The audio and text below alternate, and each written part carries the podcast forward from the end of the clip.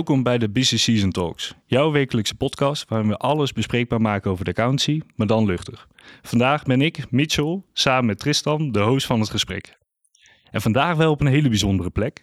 Rechtstreeks van het kloppend hart van de Nederlandse democratie, het tijdelijke Tweede Kamergebouw, presenteren wij een gloednieuwe aflevering. Op deze plek, waar al onze nationale besluiten worden gevormd, verwelkomen wij vandaag een bijzondere gast die zich jarenlang bezighoudt met alles wat met financiën te maken heeft.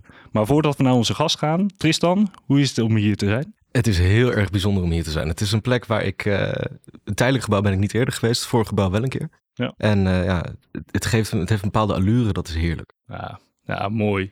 Uh, daar gaan we het ook uh, zeker over hebben, ook over het gebouw. Maar in deze podcast delen wij ervaringen, tips en leuke verhalen. We blikken vooruit en kijken terug met studenten, accountants, bestuurders, toezichthouders en eigenlijk iedereen met interesse. En voordat we beginnen druk ik gelijk even op het hart dat je ook ons kan abonneren en volgen. Zodat je altijd direct op de hoogte bent van de nieuwe afleveringen. Heel goed, dankjewel Mitchell. En natuurlijk welkom Henk, Henk Nijboer, Tweede Kamerlid PvdA. Uh, ik heb het vanmorgen even opgezocht. 4025 dagen om precies te zijn. Alsjeblieft. het is even een periode. Um, we, we, gaan even terug uh, naar dag 1 tot heden. Een samenvatting. Wat, wat waren uw hoogtepunten in die tijd? Kunnen we even meenemen door de tijd?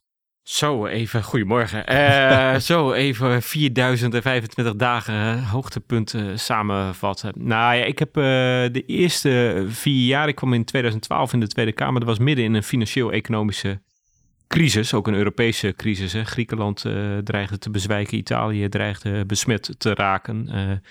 dus dat waren hele moeilijke tijden, ook voor het land en ook economisch en overigens ook politiek. Uh, dus toen heb ik uh, vooral financiën uh, gedaan, ook die eurocrisis me mee bemoeid, maar ook de bankencrisis, de financiële crisis. En ben je daarvan speelde. En daar als onderdeeltje, onderdeel voor jullie, van ook de accountancy. Hè. Daar hadden Enron en Ahold gehad en de accountancy moest wat mij betreft echt op de schop. Dus mijn, uh, daarna ben ik uh, ook volkshuisvesting gaan doen uh, de afgelopen zes jaar. En daar heb ik heel veel tijd aan besteed om dat ook op de politieke kaart te zetten. En ik ben een geboren en getogen Groninger. Dus ook de aardbevingen in Groningen heb ik de afgelopen tien jaar veel aan gedaan. Dus er zijn heel veel thema's die je als Kamerlid bezighoudt. Dus wat, mij, wat ik het belangrijkste vind is volkshuisvesting. En, en eerlijk gezegd ook wel fatsoenlijk begrotingsbeleid. En wat ik als volksvertegenwoordiger het meest indringend vond was Groningen. En de aardbevingen en de ellende die dat heeft veroorzaakt. Maar we spreken vandaag vooral over de accountancy, denk ik. Hè? Dat klopt. En nog, nog even over hebben. U zegt, uh, of je, sorry, over Groningen. Uh, heel uh, intrigerend dossier natuurlijk. Maar is dat vanwege het dossier zelf, maar ook omdat er natuurlijk een persoonlijke verbindenis aan zit met de provincie Groningen? Zeker. Ik ben geboren en getogen in Groningen. Mijn ouders wonen nog steeds in Ten Boer. Ik woon zelf in de stad Groningen. Ten Boer is een dorpje midden in het aardbevingsgebied. En ja, daar heeft bijna iedereen uh, schade. En uh, bijvoorbeeld mijn ouderlijk huis waar ik ben opgegroeid is afgebroken. Omdat uh, ja, de sloopnieuwbouw moest vanwege de aardbeving. En dat, nou ja, mensen zijn daar jarenlang gemangeld en gemarteld eigenlijk door de, door de instanties. Eerst door de NAM en daarna door de overheid. En die schade is eigenlijk onherstelbaar voor sommigen. fysiek kun je huizen wel herstellen, maar een leven kun je niet meer terugdraaien. Dus dat is, vind ik heel indringend om, om zo'n, nou ja, de ziel in zo'n gebied zo beschadigd te, raken, te zien raken. En ik heb geprobeerd de tijd te keren, maar het is mij net als alle andere Kamerleden niet gelukt de afgelopen tien jaar om dat uh, voldoende te doen. En de ellende is nog steeds niet te overzien. Dus dat gaat mij het meest aan het hart. Hm. Ja, heel, heel begrijpelijk natuurlijk. En ik kan me ook voorstellen dat een dossier als dit ook invloed heeft op dynamiek die je in de Kamer ervaart. Kun je daar iets meer over vertellen? Nou, ik weet niet of dit nou per se de dynamiek... Hè, dit is een enquête over toeslagen, een enquête over Groningen geweest. Dat zijn de grote schandalen van de afgelopen uh, jaren. Ja, en de uh, Panama. Papers natuurlijk. Zeker, uh, maar dat raakte mensen natuurlijk iets anders. Ik ja. ben voorzitter van die parlement, daar komen we straks waarschijnlijk over te spreken geweest. Maar dat vind ik wel van een andere orde dan als mensenlevens echt worden ontwricht. Dat vind ik trouwens ook ernstig, maar dat is toch van een andere orde. Dus ik weet niet of dat de dynamiek in de Kamer, dat heeft meer met hoeveel partijen zijn er en wat zijn de omgangsvormen uh, die toch wel uh, niet, in ieder geval er niet beter op zijn geworden de afgelopen tien jaar. Uh, dus dat weet ik niet. Maar ik vind, vind het wel de enorme nou ja, verwaarlozing van uh, groepen mensen die uh, de politiek heeft laten gebeuren. En waar het vertrouwen in de politiek ook een enorme knauw van heeft gekregen. En zit, zit daar ook je drijfveer dat je graag voor de mensen opkomt? Of? Nou ja, als volksvertegenwoordiger moet je ook voor mensen, tenminste, dat was mijn ambitie altijd om ook volk te vertegenwoordigen, hè, ja. om mensen te vertegenwoordigen. Dus ik ben een geboren getogen Groninger. Ik ben ook een econoom, maar dat, nou ja, economen vertegenwoordigen. Het is wel verstandig om goed gedegen verhalen te houden in de Kamer. Dat is natuurlijk niet het enige wat je doet. Dus ik probeer echt Groningers te vertegenwoordigen. En ik vind ook dat je naast inhoudelijk goed werk ook volksvertegenwoordigend werk moet doen. Of in ieder geval, dat heb ik zelf proberen te doen. En nou ja, dat, je kunt ook zien aan hoeveel voorkeurstemmen je krijgt. Ik heb bijvoorbeeld een eigen voorkeurszetel behaald. En dat vind ik, nou ja, naast het financiële werk, het volkshuisvestelijk werk, uh, laat het ook zien dat je ook mensen echt vertegenwoordigt. En dat merk ik ook vooral als ik in het noorden loop, maar overigens ook in de rest van het land hoor. Want de helft van de stemmen komt uit Groningen en Drenthe en de andere helft komt uit de rest van het land. Uh, dat is, nou ja, dat heb ik altijd wel belangrijk gevonden om dat ook serieus te nemen. Dus niet alleen maar ingewikkelde fiscale wetten of ingewikkelde accountancy-wetgeving of ingewikkelde Europese wetgeving en implementatie van richtlijnen, maar ook bij mensen thuis zitten en proberen recht te doen aan hun uh, ellende. En dat heb ik vooral op, op Groningen gedaan, maar bedoel ik bijvoorbeeld nu ook enorm met funderingsschade bezig. Enorm probleem in Nederland. we hebben nog een, mijn laatste debat in de Kamer, hier in de Tweede Kamer, gaat over funderingsschade. Heb ik zelf aangevraagd. Dus ik doe nu heel veel werk bezoeken bij mensen in het hele land. Bij mensen met fundering die met de handen in het haar zitten. En ja, die funderingen worden allemaal slechter en die huizen gaan kapot en niemand uh, betaalde. Terwijl het van het lage waterpeil uh, komt, ik kan er een heel extra. Maar daar ben ik nu bijvoorbeeld erg mee bezig. Ja, ja mooi. Dat, uh, en ook een mooie prestatie dat je een volkenstem hebt gekregen. Want ook als je kijkt in de afgelopen elf jaar, wat zijn nou, hè, we noemden al wat uitdagingen en dingen die niet helemaal gelukt waren. Maar wat is er bijvoorbeeld een overwinning? Nou, ik denk dat er een paar dingen, en die, dat ligt niet alleen aan mij, uh, maar bijvoorbeeld dat volkshuisvesting weer de plek heeft gekregen in het maatschappelijke en politieke debat. Ja, dat is natuurlijk een immens maatschappelijk probleem, de woningnood die er is, de onbetaalbaarheid, de huren. Ja, overigens ook studenten, accountancy zullen daar over mee kunnen praten. Uh, en mensen die net beginnen met werken, dat mensen 40, 50 procent van hun netto inkomen aan huur betalen. Dat is niet normaal. Dat is echt niet normaal. Dus daar kun je echt wel wat aan doen als overheid. Nou, dat was nou ja, acht jaar geleden was het gewoon ondergeschoven kindje. De minister deed er een beetje bij. De Kamercommissie was niet echt uh, belangrijk. En ik heb dat echt gedacht van ja, dat is zo belangrijk. Daar ga ik heel veel tijd aan insteken om dat ook politiek uh, relevant te maken. Zoals ik net over fundering had. Maar zo heb je al die uh, zaken. Dus daar heb ik, dat, nou, daar heb ik aan bijgedragen. Dat is echt niet mijn enige verdienste. en wat ik denk ik ook wel echt belangrijk vind, is het, de hervorming van de financiële sector.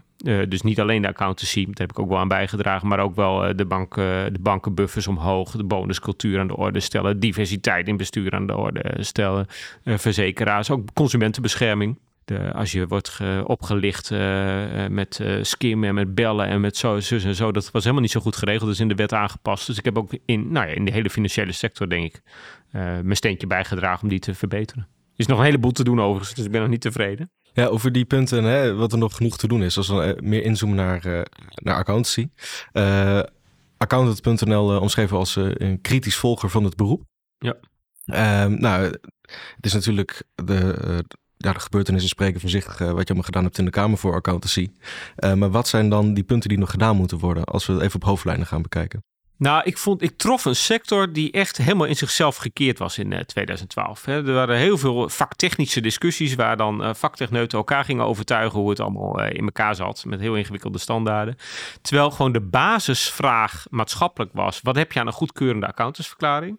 Dat daar geen fatsoenlijk antwoord op uh, was. Dat heette toen de verwachtingenkloof, zo het nu nog steeds wel heten. Ja. Maar ja, dat je gewoon een goedgekeurde accountantsverklaring had en een half jaar later was een bedrijf failliet, zonder dat je dat kon lezen in de risicoparagraaf of wat ook, vond ik uh, ongekend. En ik vond ook eerlijk gezegd het uh, verdienmodel, de partnerstructuur vind ik nog steeds, vond ik totaal ongepast voor het publieke belang dat een accountant moet dienen. dus adviseurs en fiscalisten die op naam van een accountantsfirma hoge omzetten maken en met dat gezag hoge omzetten maken en accountants die daar toch ook wel een beetje afhankelijk van zijn in het bestuur zonder onafhankelijke raad van commissarissen. Het was allemaal, nou ja, het was echt, echt niet op orde. En er kwam nog de kwaliteit van de controles. Uh, zie Enron, zie Ahold, maar zie ook uh, de bredere discussies. De AFM voornamelijk, Gerben Evers uh, speelde daar een belangrijke rol in als bestuurder bij de AFM. heeft nou ja, heeft geëntameerd en mede heeft, druk heeft gezet. Dat die ook niet op orde was. Ja, dat maakte dat er echt veel moest veranderen. dus toen ben ik begonnen met een motie. Uh, van uh, los het zelf maar op als sector, want we kunnen het allemaal in wet regelen, maar het wordt altijd lomp. Dat is ook zo. Wetten zijn bijna altijd lomp. Nou, er kwam een programma van 53 verbetermaatregelen en die hebben, dat, daar is wel wat mee gebeurd natuurlijk. Dus het is wel wat verbeterd, maar er is nog een boel te doen. En dat was je vraag. Ja. Op een strekkende meter verhalen vertellen als politicus. Hè? Maar uh, de, de, vraag was, wat moet er nog meer verbeterd worden? Nou, ik vind de partnerstructuur echt niet op orde. Ik vind het maatschappelijk bewustzijn wel wat verbeterd Maar als je echt doorvraagt van wat, ja, wat is die verwacht, is, lever je nou wat de maatschappij van je verwacht? En ik vond zelf altijd een moeilijke discussie, blijf ik vinden.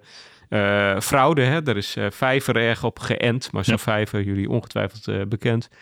Ehm, dat vind ik een moeilijke discussie, omdat ja, je, je, bent ook geen opsporingsambtenaar en tegelijkertijd is het, denk ik ook wel eens van, dat had wel gezien moeten worden en mogen worden. dus nou ja, dat, daar moet echt nog wel wat aan gebeuren. Maar van, en het verdienmodel, ja jongens, ja, zolang je winstdelingen zo houdt, maar, hoe, hoe, hoe, bewaak je dan je, politieke, je publieke taak? Maar ik ben wel erg geïnteresseerd. Ik ben zelf in 2012 begonnen in het vak. Dus ik begon in de periode dat voor publiek belang. en eigenlijk vanuit de sector zelf zien we wel ontwikkelingen. En ik ben heel erg benieuwd, wat zijn de positieve ontwikkelingen die je gezien hebt in de afgelopen tien jaar? Nou, ik denk dat zeg maar, het helemaal in zichzelf, dat het accountancy sector wel in de gaten heeft gekregen. dat ze het alleen met zichzelf overtuigen dat ze daar niet mee komen. Uh, en dat er ook geluisterd moet worden naar uh, maatschappelijke uh, stromingen. En dat geldt zowel voor investeerders natuurlijk, hè, want dat belang dien je natuurlijk ook. Hè. Dat, is niet alleen maar het publieke, het politieke belang, als de politiek. En er was een enorme lobby gaande toen ik in de Kamer kwam over het verplichte roleren. Hè, en, het, en het niet mogen adviseren. Het splitsing van het advies, dat was al door de Tweede Kamer. Ronald Plastek had dat gedaan. Ik ben opvolger van Ronald Plastek als financieel woordvoerder. En uh, voor de PvdA. En, en, en toen kwamen al die, die, die, die, die, die Eerste Kamerleden werden belobbyd. En ik ook. Om de eigen wet nog niet in te laten gaan. Want dat was allemaal zo'n schande. Dat, was de, dat was de cultuur. Hè. Dat markeerde echt alles aan. Gewoon de onafhankelijkheid. Die, dat was me heel ja, relatief. Het was wel een impactvolle wet. Maar ook als je keek wat er allemaal moest gebeuren aan kwaliteitsverbetering. Aan, uh, onafhankelijk, aan, aan, aan, onafhankelijk toezicht. Hè. De Raad van Commissarissen. Die uh, overal werd tegen gelobbyd. Hè. Ook dat bijvoorbeeld fiscalisten in zo'n accountancy eronder zou vallen. Enorme lobby. Maar van Rijk ken ik daar ook nog van uit die tijd. Hè, als fiscalistenbranche voorzitter. Ja, de huidige staatssecretaris. Ja, dat was echt niet, uh, niet oké. En ik denk nu wel dat men beter probeert in ieder geval te luisteren en te begrijpen wat uh, maatschappelijk uh, gewenst is. En dat men ook wel oprecht, accountants echt oprecht wel hun best doen om hun werk te verbeteren. Maar dat er gewoon ook nog een heleboel licht tussen zit van wat de maatschappij verwacht. dat er gedaan wordt, namelijk meer materieel werk. En, en dat zit het verschil tussen het formele werk, wat accountants ook moeten doen. Wat ik ook wel snap hè, met de IFRS en al internationale standaarden. Maar dat is toch echt nog steeds de, de basis. Terwijl, nou, laat ik het vergelijken met fiscalisten, want daar heb ik ook uh, zo'nzelfde discussie ja. uh, mee gevoerd. Hè. De, de, de, de, de, fiscalisten waren toch een beetje van mening van, uh, ja, ik moet eigenlijk de klant adviseren om binnen de wet zo weinig mogelijk belasting te betalen. En mag daar mag ik ook constructies, want dat is een recht. Het is een recht om dat niet te hoeven doen. Het is een, terwijl ik de opvatting heb dat je naar de geest van de wet moet handelen. En dat het als wetgever, als Kamerlid ook onmogelijk is, en ook als, ook als kabinet trouwens, om van tevoren alles dicht te schroeien. Dus alles wat, als je een wet maakt ter voorkoming van dubbele belastingheffing, uh, moet je geen constructies verzinnen, zodat je helemaal geen belasting meer betaalt. En dat was wel, en dat is nu natuurlijk wel een beetje gekenterd, ook aan het kenteren, maar dat was wel echt de opvatting. Van het is, en het is de klant zijn keuze, maar wij moeten het uh, aanbieden. En uh, als, het, als het maar het standpunt pleitbaar is, dan moeten we dat maar doen. Dus een heel formalistische, dat is de vergelijking met de accountancy, een heel formalistische opvatting van het beroep. En ik snap dat accountancy, ja, als, er één beroep uh, formalistisch moet zijn, dan zijn het accountants wel. Maar ik zou toch ook de, de geest en de bedoeling en de materiële waarde en de serieuze risico's uh, van de continuïteit van onderneming, ja, dat vind ik relevant. Dat vind ik relevant als maatschappelijk deelnemer. Ja. En al die, ja, natuurlijk moet het kloppen dat is ook mijn grootste. Nou ja, ik vind dat de AFM echt van waarde is geweest. Maar die hebben natuurlijk vrij. Dat is ook hun taak als toezichthouder. Dat is ook een beetje. Maar die hebben ook vrij formalistisch natuurlijk steeds gekeken van zijn die rapporten op orde. Maar daar, Terwijl ik dat niet de belangrijkste vraag vind. Nee, precies. Maar daar zijn, als het goed is, ook stappen in gemaakt. Hè? Er wordt gerapporteerd in een controleverklaring ja. over fraude en continuïteit. De, in de, de optreden van de accountant in de algemene vergadering. Zo is het. Dus er is wel wat verbeterd. Is, is er genoeg verbeterd? Tien jaar, tien jaar, nee, is niet genoeg verbeterd. Er is nog een heleboel werk te doen. Ook recent zijn natuurlijk zowel de kwartiermakers als de, de monitoringcommissie, als de voor commissies. Er zijn ook eindeloos commissies ingesteld. Zo gaat dat in, in Nederland in ieder geval uh, eigenlijk altijd. Maar als de AFM is natuurlijk nog steeds uh, blijvend kritisch. En dat ben ik ook. Ja. Ik ben nog steeds, ja, ik ben op den duur ben ik uh, echt ervan overtuigd gemaakt dat de part partners geworden, dat de partnerstructuur niet houdbaar is. Nou, die bestaat nog steeds. Ja. dat je eigenlijk gewoon scheiding moet hebben, niet eigenlijk, dat je scheiding moet hebben eh, tussen accountants en fiscalisten en, uh, en, en uh, adviseurs. Echt een zogeheten ringfencing van... Nou ja, eigenlijk gewoon een aparte organisatie, dus audit only. Hm. Zoals, Daar ja. ben ik voorstander van, want het is een publieke taak. En dat is echt wat anders dan fiscaal advies of bedrijfsmatig advies ja. geven. Ja, ik ben heel benieuwd, want je hebt het inderdaad over de partners en zeg maar de periode afgelopen ja, tien jaar, zeg maar. Maar wat zie je? Zie je ook iets terug bij de nieuwe Elan, het nieuwe, de, de jongeren, zeg maar, de jonge accountants? Nou, ik denk wel dat die, uh, er zijn veel te weinig van, hè? dus dat is enorm. ja, ja, ja. En ik hoop dat er wel veel mensen komen die dat werk nog uh, willen doen, want het is wel, het is wel belangrijk werk. Ja. Uh, nee, ik zie wel dat, dat, dat, dat jongeren willen veranderen. En ook dat de sector wel wil veranderen, maar het is natuurlijk ook uh, ook aan de, het is ook de taak van de politiek om, uh, uh, tenminste in mijn opvatting, ook een taak van Kamerleden om dingen in de maatschappelijk gewenste richting te sturen en discussies te entameren. Ja. Als een sector er al helemaal is en ik zeg jullie zijn goed bezig en ik ga weer, ga weer wat anders doen, dan komen verbeteringen ook niet tot stand. Dus dat is natuurlijk ook wel de taak van een volksvertegenwoordiger, tenminste naar mijn opvatting. Als je vindt dat iets beter moet of een structuur niet goed is en er is een publiek belang in het geding, ja. Uh, en dat is hier zo. Ik bedoel, daar hoeven we denk ik geen discussie over te hebben, dat dat een publiek uh, belang dient. Uh, onafhankelijke controles van. Uh, ja, want daar ben ik wel benieuwd naar. Want je, je geeft ook aan dat het account wel een belangrijke functie heeft Zeker. in de maatschappij. Kan je dat verder toelichten? Nou, het is belangrijk dat de boel niet uh, wordt geflasht en dat cijfers kloppen. En dat als je investeert in een bedrijf of dat je afhankelijk ergens van bent, dat gaat niet alleen om investeerders. Ik zal een anekdote vertellen. Ik ben, toen ik 19 was, kwam ik in de Provinciale Staten van Groningen. Uh, als jong statenlid. En toen was ik woordvoerder uh, Zuiderzeelijn, maar ook uh, toerisme en recreatie. En we hadden een Noord-Nederlands bureau voor toerisme. Je moest Groningen in de vaart der volkeren opstuwen. om meer toeristen te, te, krijgen in Groningen. En de economische ontwikkeling. dat was hoge werkloosheid, dus dat was belangrijk. Dat ging niet zo goed. Er stonden ook wel stukken in de krant. Dus ik stelde aan de gedeputeerden daar de vragen van... nou ja, gaat dat wel goed? Hoe zit het met de financiering? Ik kreeg steeds het antwoord... nee, er zit een goedkeurende accountantsverklaring bij. En drie maanden later ging het failliet. Dus ik heb toen allemaal vertrouwelijke stukken allemaal kunnen inzien als statenlid, allemaal gelezen en dit en dat. En toen zei ik van, nou, dan moet een terugzak tegen die accountant komen. Want ja, ik zei al, gaat niet goed. Er zit publiek geld in. Er gaat 1,2 miljoen van de drie noordelijke provincies in. Uh, ja, uh, hallo. Het is wel belastinggeld van ons allemaal. En uh, het zou goed zijn, want er zat een goedkeurende accountant. heeft u in elk debat gezegd. Nou, terugzaak ook gestart. Accountant won terugzaak. Toen dacht ik, nou, hier heb ik dus helemaal niets aan. Hè, ik, ik, ik stel kritische vragen. Ik krijg als antwoord, er zit een goedkeurende... Het stond ook niet van, nou, binnen een half jaar gaat het failliet. Ja, wat heb ik dan aan zo'n goedkeurende account? Dan is het hele publieke belang, en ik ben dus geen belegger, maar ik was gewoon, ja, dat was gewoon publiek geld in een uh, instituut wat een publiek belang, namelijk toerisme en economische welvaart brengen in de provincie.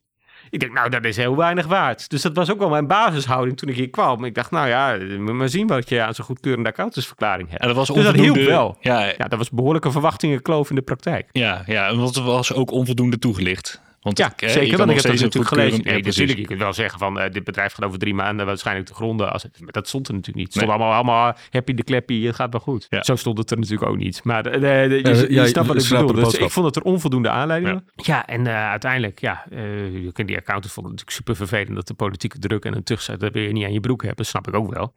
Eh, maar ja, je had er gewoon niks aan. En dat was echt heel formalistisch, gewoon zo'n jaren. En ja, je had er echt niks aan.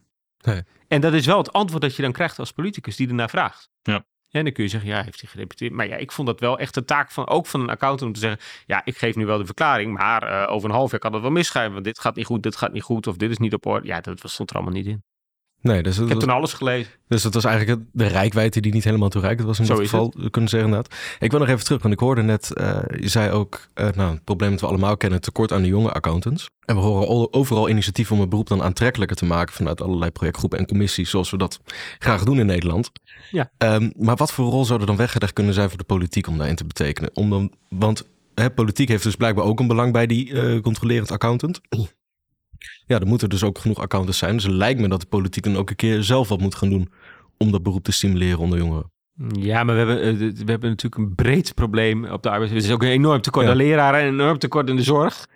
Eh, en daar spreken wij natuurlijk wel over. Ja, ik vind dit wel eh, in eerste instantie, zoals het nu is georganiseerd, natuurlijk aan accountantskantoren zelf. Om aantrekkelijk genoeg te zijn als werkgever. En daar heb ik wel een opvatting over, maar dat vind ik wel iets minder een, een politieke taak. Hè? Ik bedoel, de inrichting van accountantskantoren, dat mensen zich helemaal de pleuris moesten werken, die is niet meer van deze tijd.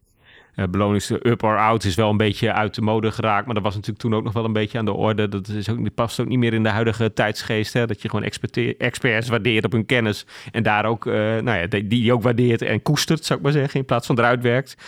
dat is geloof ik wel verbeterd.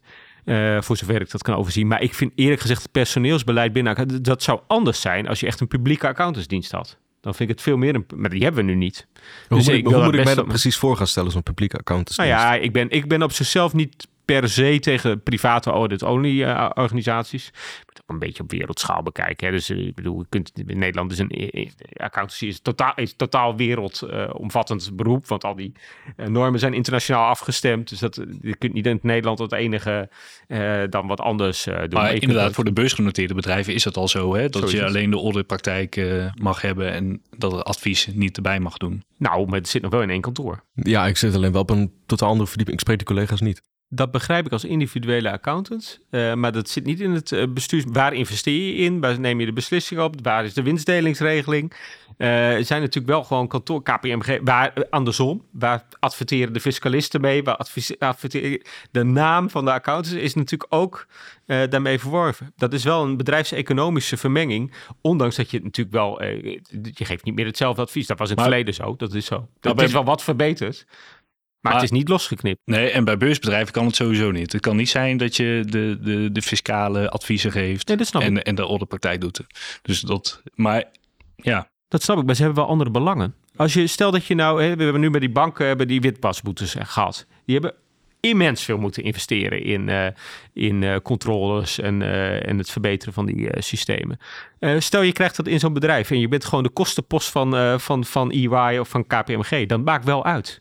Dat maakt wel uit of je alleen accountants hebt of dat je daar met fiscalisten die dan het geld binnenbrengen of de bedrijfsadviseurs die het geld binnenbrengen zit voor de, voor de investeringen. Dus het is niet helemaal los, het is losgekoppeld als bedrijf. Je geeft niet het fiscaal advies en je tekent de jaarrekening af, akkoord. Maar het is niet zo dat die disciplines niet losgekoppeld zijn. Terwijl ik vind dat die fiscalisten en de bedrijfsadviseurs geen publiek belang dienen en de accountants wel. Zouden dan en dat, daarom bemoei ik me er ook zoveel mee. Ik bedoel, ik bemoei me ook wel met fiscalisten. Uh, maar dat is meer vanuit de kant dat ik vind dat zij zich moreel uh, verwerpelijk opstemmen, maar niet vanuit het publieke belang alleen. En we hebben adviseurs moeten helemaal maar adviezen wat ze willen. Ja, dat is natuurlijk een beetje, er zit altijd een publieke kant aan. Maar, ja. Een beroep, maar wel anders dan in de wet geborgd en bij de wet opgelegd. We hebben vorig jaar gezien uh, uh, EY die zich aankondigde om te proberen te splitsen. Ja. Project Everest. Nou, er is behoorlijk wat geld aan kwijtgemaakt toen de tijd. Uh, het is, project is gesneuveld. Ja. Um, als we dan kijken naar de complexiteit van die grote kantoren, dan ga ik wel mezelf afvragen: is het nog wel mogelijk? om zodanig af te splitsen dat je een audit-only krijgt. Dan wat zou dan een mooie middenweg zijn? Nee, ik ben voor only. Dus echt ik ben niet voor de, ik ben niet voor de middenweg. Kijk, ik vind dat ook wel weer, voor zover ik dat uh, heb meegekregen. Hè, want ik heb best een grote portefeuille met Groningen, uh, volkshuisvesting, uh, alle financiën, van alle fiscale regelingen, begrotingsbeleid, Europees beleid. Dus de accountancy sector had ik de eerste vier jaar meer tijd voor. toen ik alleen financiën deed dan nu. Maar voor zover ik dat heb meegekregen, lijkt het erop dat ook financiële motieven best een, best een reden waren om het wel of niet door te laten gaan bij EY. En dat toont alweer aan dat het publieke belang daar niet leidend was. Want uh, eerst was men tegen, daarna heeft men een verhaal gehouden. We zijn ervoor, want het is belangrijk, ook voor de kwaliteit van de accountancy. En vervolgens ging het uiteindelijk toch weer niet door.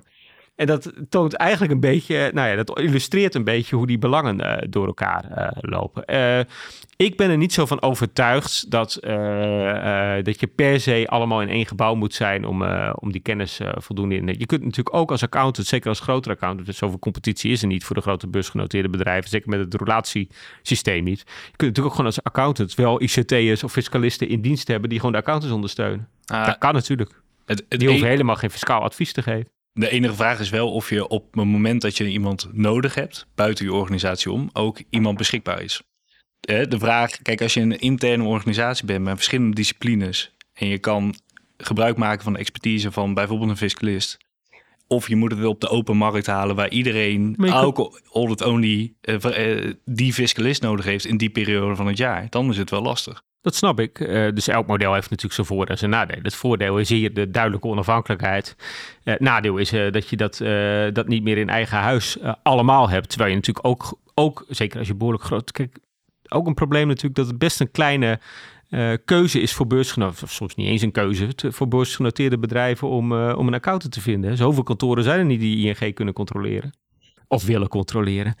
Uh, dus je hebt natuurlijk best een, uh, als groot kantoor, want dan ben je dan per definitie uh, fiscalisten en ICT-deskundigen kun je in dienst hebben en ethici en fraudedeskundigen.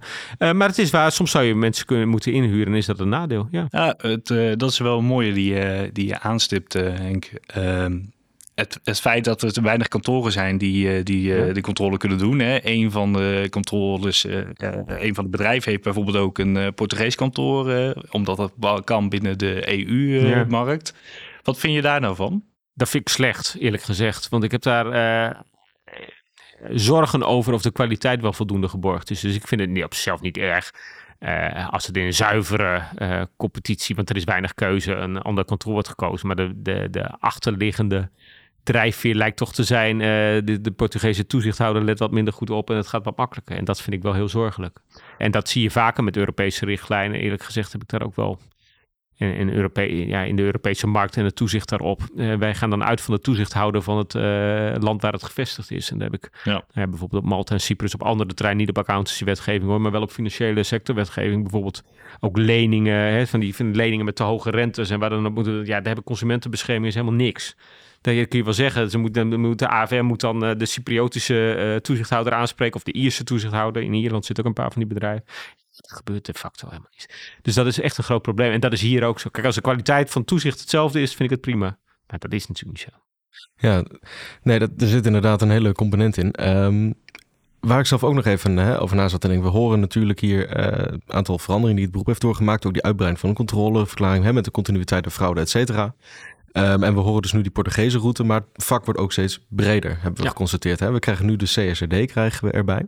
Um, een van de dingen die ik uh, nog wel eens hoor is het vak wordt veel te breed en probeer dat allemaal maar eens uh, bij één persoon onder te brengen. Hoe kijk jij daar tegenaan? Dat snap ik. Ik vind het goed dat het vak breder wordt. Eerlijk gezegd was het ook de accountancy-branche. Dat was wel één ding waar uh, in ieder geval de sector en de brancheverenigingen en de, de, de, de CEO's die ik en de, de, hoe heet het, de hoofdaccountancy-lieden bij, bij alle grote kantoren, die, die waren daar in, in, door de bank genomen erg voor. Was ook meer werk natuurlijk. Maar, uh, en ook duurzaamheid. Ja, ik denk toch dat, dat, willen mensen weten.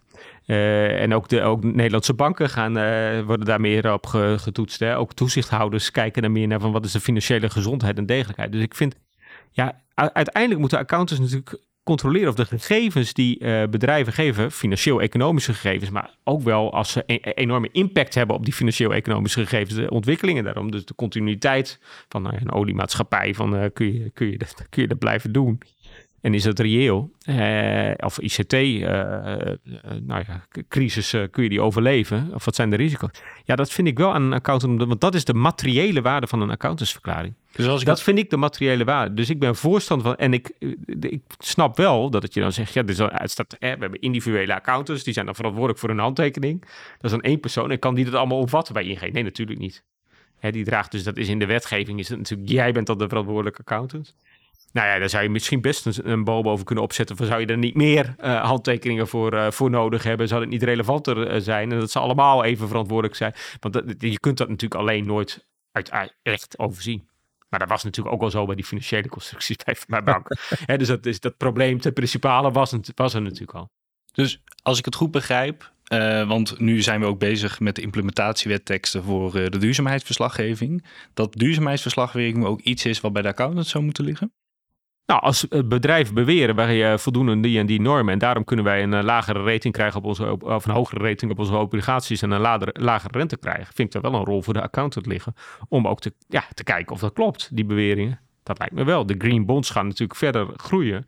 Ja, dan moeten ze wel green zijn. Dat vind ik wel een rol van een accountant. Ja, want in de Europese wetteksten, of in de, Europe in de directive, staat dat er ruimte is voor independent assurance providers. Dus andere personen dan accountants die uh, ja, zekerheid kunnen geven bij de duurzaamheidsverslaggeving. Ja. Maar als ik het goed begrijp, ziet u dat, dat dat wel de taak is van Ja, ik vind het wel een accountant. taak van accountants ook. Nou. En je kunt natuurlijk best een independent provider hebben en dat controleren. Ja. maar uiteindelijk, ja, als je obligaties uitgeeft die zo, zo, zo, zo zwart en grijs zijn als de pest. Je zegt het is groen en de accountant zegt uh, het, is independent beoordeeld, maar je weet dat niet klopt. Dat kan toch niet? Nee, dus, dus het is ook onlosmakelijk dus, verbonden dus met ik, ik, wil niet per se dat de, dat accountants het uh, monopolie hebben daarop. Maar als je de, ja, laten we wel zijn, als je een internationaal bedrijf hebt en die geven die bonds uit, dan moeten ze wel kloppen. Dat vind ik wel een taak van een accountant. Ook als ze independent beoordeeld zijn En als ze goed zijn en er zit een goed controle, het is goed beoordeeld, hoef je, die, hoef je niet alles over te doen. Dan kun je toetsen of dat eh, aannemelijk is en materieel en weet ik wel. Die hebben allemaal maatstaven daarvoor waar je veel Ja. meer verstand van Ja, hebt. gewoon een heel maar duidelijk dat vind, ik wel, dat vind ik wel. Dus ik vind niet dat het, eh, het alleen recht van accountants moet zijn om dat te keuren. Maar ik vind wel als je een goedkeurende accountantsverklaring hebt, dat je moet vertrouwen dat, dat, dat green bonds wel green bonds zijn. Ja. ja, dan kan het haast niet anders dat de accountant dat wel zelf ook moet controleren. Ja. Ik vind in ieder geval dat dat proces goed is doorlopen. Hè? Dus het controleren of dat netjes is gedaan. Ja. Nou, in ieder geval heel interessant om, eh, om eh, hierover te hebben. En ik ben met name ook benieuwd van ja, die jonge accountants, hè, want dat is met name onze luisteraars. eh, wat zou je die willen meegeven? Wat, hoe ziet de, de account van de toekomst eruit? Nou, kijk vooral wat. doe je werk goed natuurlijk. Hè, maar dat, daar ben ik. Ik vind de accountancy studenten heel serieus en, en precies. Dus daar heb ik best wel goede hoop op. En kijk vooral wat, de mat, wat het materieel betekent wat je doet. Eerlijk gezegd probeer ik dat ook in mijn eigen leven. Dat heeft helemaal niet met accountancy te maken. Maar je probeert toch, je kunt formeel heel veel dingen veranderen, maar dan verandert er in, in het werkelijke leven niks. Of je kunt eh, eh, formeel misschien eh, wat sturen of duwen of minder duwen, maar, maar wel veel meer van betekenis zijn. En ik denk dat de maatschappij verlangt van accountants dat zij nou ja, controleren of de, of de cijfers kloppen. Als er evidente fraude is, dat ze dat aan de orde stellen. En ook kijken naar de continuïteit en risico's van een onderneming. En breng die in beeld en breng dat zo eerlijk en open mogelijk in beeld. En dat, dat betekent helemaal niet dat je met zekerheid dingen kunt zeggen. Eh, want ja, je weet eh, ja, eh, dat, dat de rente nu in één keer zo hoog is geworden. Dat had ik ook niet zien aankomen. Of de inflatie 10% was. Dat, dat, dat had geen mens zien aankomen de afgelopen drie jaar. Maar ja, breng wel de risico's gewoon eerlijk en open in beeld. En geef een zo materieel, ja, materieel mogelijk overzicht. En, en ja, probeer, zo, ja, reëel, ja, probeer zo reëel mogelijk te kijken. Dat zou ik eh, doen. Eh, dat, dat zou mijn advies zijn. Ja, om dat te kunnen doen voor die nieuwe generatie, wat zijn dan echt unieke skills die zij nodig hebben hiervoor? Onafhankelijkheid, altijd belangrijk. In het hele leven trouwens. Een beetje autonomie eh, kan geen kwaad. Ja. Wat ook steeds meer gewaardeerd is nu mijn uh, opvatting. Je ziet nu ook overigens brede maatschappelijk. Uh, dat als je echt als vak vrouw of man zegt dit deugt niet of ik vind dat het zo hoort, dat daar eerder naar wordt geluisterd en minder uh, de, de, directeur of de, de, de, minder in de positie is van nou dat schuif ik even terzijde. Uh, dat is brede maatschappelijk en dat is voor accountants ook wel van belang, want die moeten af en toe ook de rustrecht kunnen Dus durf om je uit te spreken. Ja, en autonoom zijn. Dus durf om je uit te spreken, maar durf ook gewoon voor je vakkwaliteit te staan en je oordeel te staan. En laat je niet, uh, nou ja, laat je niet van de wijs brengen. Niet door de, degene die eh, je, je controleert, eh, maar ook niet door de, door de kantoorpolitiek of de, de regels die daar eh, gelden. wat, wat was de, ik ben nou afgedwaald van je vraag. essentiële skills voor die, voor die... Nou, onafhankelijkheid ja. dus. Beetje vrolijkheid helpt ook, helpt, helpt ook overal wel. Ja, nou, en, en, en wat mij erg helpt, is je eigen werk relevant vinden.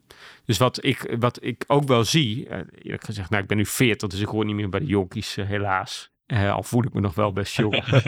maar je wilt toch ook een beetje iets doen wat, wat bijdraagt aan de samenleving. Tenminste, dat vind ik zelf belangrijk. Ja. Dus probeer ook in je beroep dat, dat wel te houden. Als je dat niet hebt en je doet het alleen maar voor het geld... of je doet het alleen maar omdat je nou één keer daar, dat goed kan...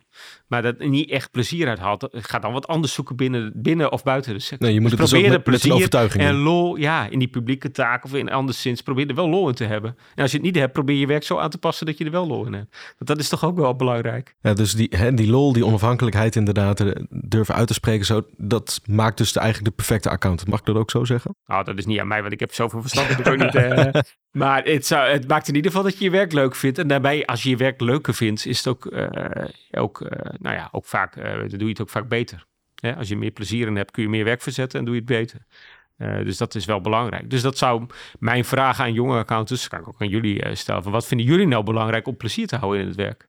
Ja, ik hoor, ik hoor Wat heb je dat, daarvoor nodig? Ik hoor dat jij dit blijkbaar leuk vindt. Dus dan vraag ik mezelf af, had je zelf geen accountant willen worden? Nee, maar dat kan ik ook helemaal niet. Maar dat was een heel snel antwoord. dat kan ik helemaal Ik ben algemeen econoom. En dat is wel echt wat anders dan uh, ja. accountancy. Ik heb ook nog wel wat juridische vakken gevolgd. Maar dat vond ik ook al heel wat anders dan... Wat ik probeer te... Wat ik het mooie van algemene economie vind... is dat je daar moet proberen te zien... tenminste dat probeer ik te zien... wat zijn de grote stromen, de grote lijnen... de die echt bepalen wat er uiteindelijk gebeurt. En wat zijn de data... En die moet je dan... Die zetten wij dan in modellen. Hè? En dan probeer je in een model te vatten... de realiteit te vatten. Maar, maar die modellenmakerij... was ik niet per se... had mijn grootste interesse. Maar wel, wat zijn de hoofdstromen maatschappelijk... die bepalen dat er iets uitkomt... wat goed of fout is. En dat probeer ik ook elke dag in de politiek toe te passen. Hm. En daar ligt mijn uh, passie, dat merk je misschien ook wel. Ja, nee, eh, dat, dat is inderdaad eh, heel inspirerend. En eh, ik ben ook heel benieuwd. Hè? Je, je, nou, je hebt aangegeven dat je na 22 november de Kamer gaat verlaten. Ja. Als je het hebt over het volgen van je passie, wat, hoe zie je de toekomst? Nou, ik weet nog niet wat ik hierna ga doen. Kijk, dat hoort ook bij politiek. Hè. Ineens was het. ik had wel verwacht dat het kabinet eerder zou vallen, maar niet de eerste vrijdag. ik was ook al op vakantie. Uh, dus ja, dan moet je beslissen of je weer doorgaat. In, ons, in mijn geval op een, in, in een nieuwe combinatie uh, of niet. Daar heb je dan in drie weken de tijd voor. Uh, en dan moet je weer kijken of je dat voor vier wil doen. Of je erachter staat, of je het inhoudelijk draagt.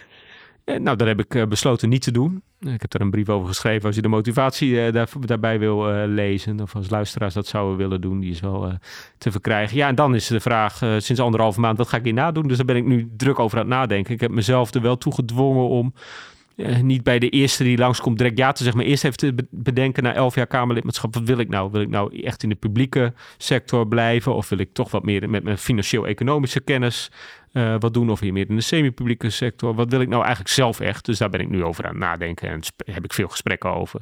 En dan ga ik in het najaar uh, solliciteren.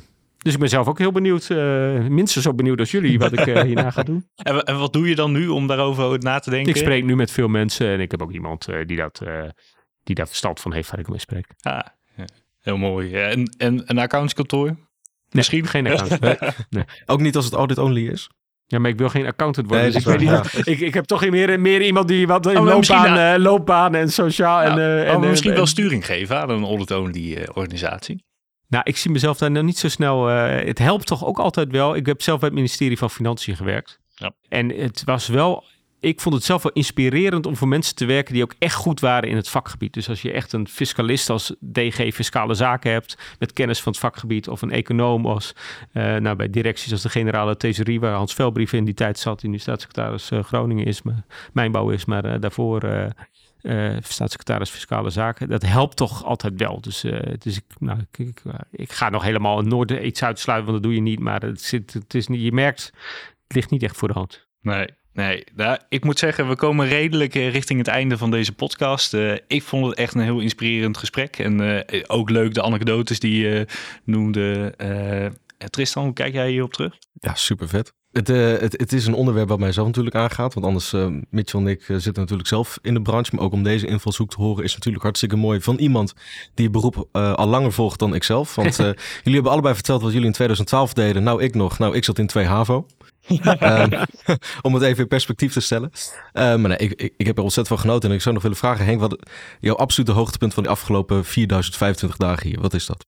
moeilijk hoor, om daar één uh, punt uit te kiezen. Ik heb drie genoemd. Hè. Het ja. volksvertegenwoordigers. Het is, wat het mooie is aan, het, aan politiek, dat zou ik ook, hè, als je er geen accountant meer wil zijn, overweeg dan de politiek. Wat het mooie is aan politiek, want er wordt heel erg uh, best, best op neergekeken af en toe wat er in het parlement is. En dat snap ik ook allemaal wel als je het allemaal volgt. Maar je kunt echt dingen veranderen en echt dingen verbeteren. En je hebt al je zintuigen nodig, uh, naast zeg maar analytisch vermogen, samenwerkingsvermogen, het uh, empathisch vermogen. Je hebt al je zintuigen nodig om je werk te doen.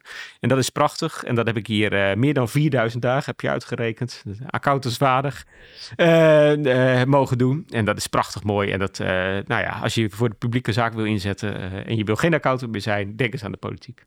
En ontzettend leuk met jullie gesproken te hebben. Dankjewel. Mooi, dankjewel.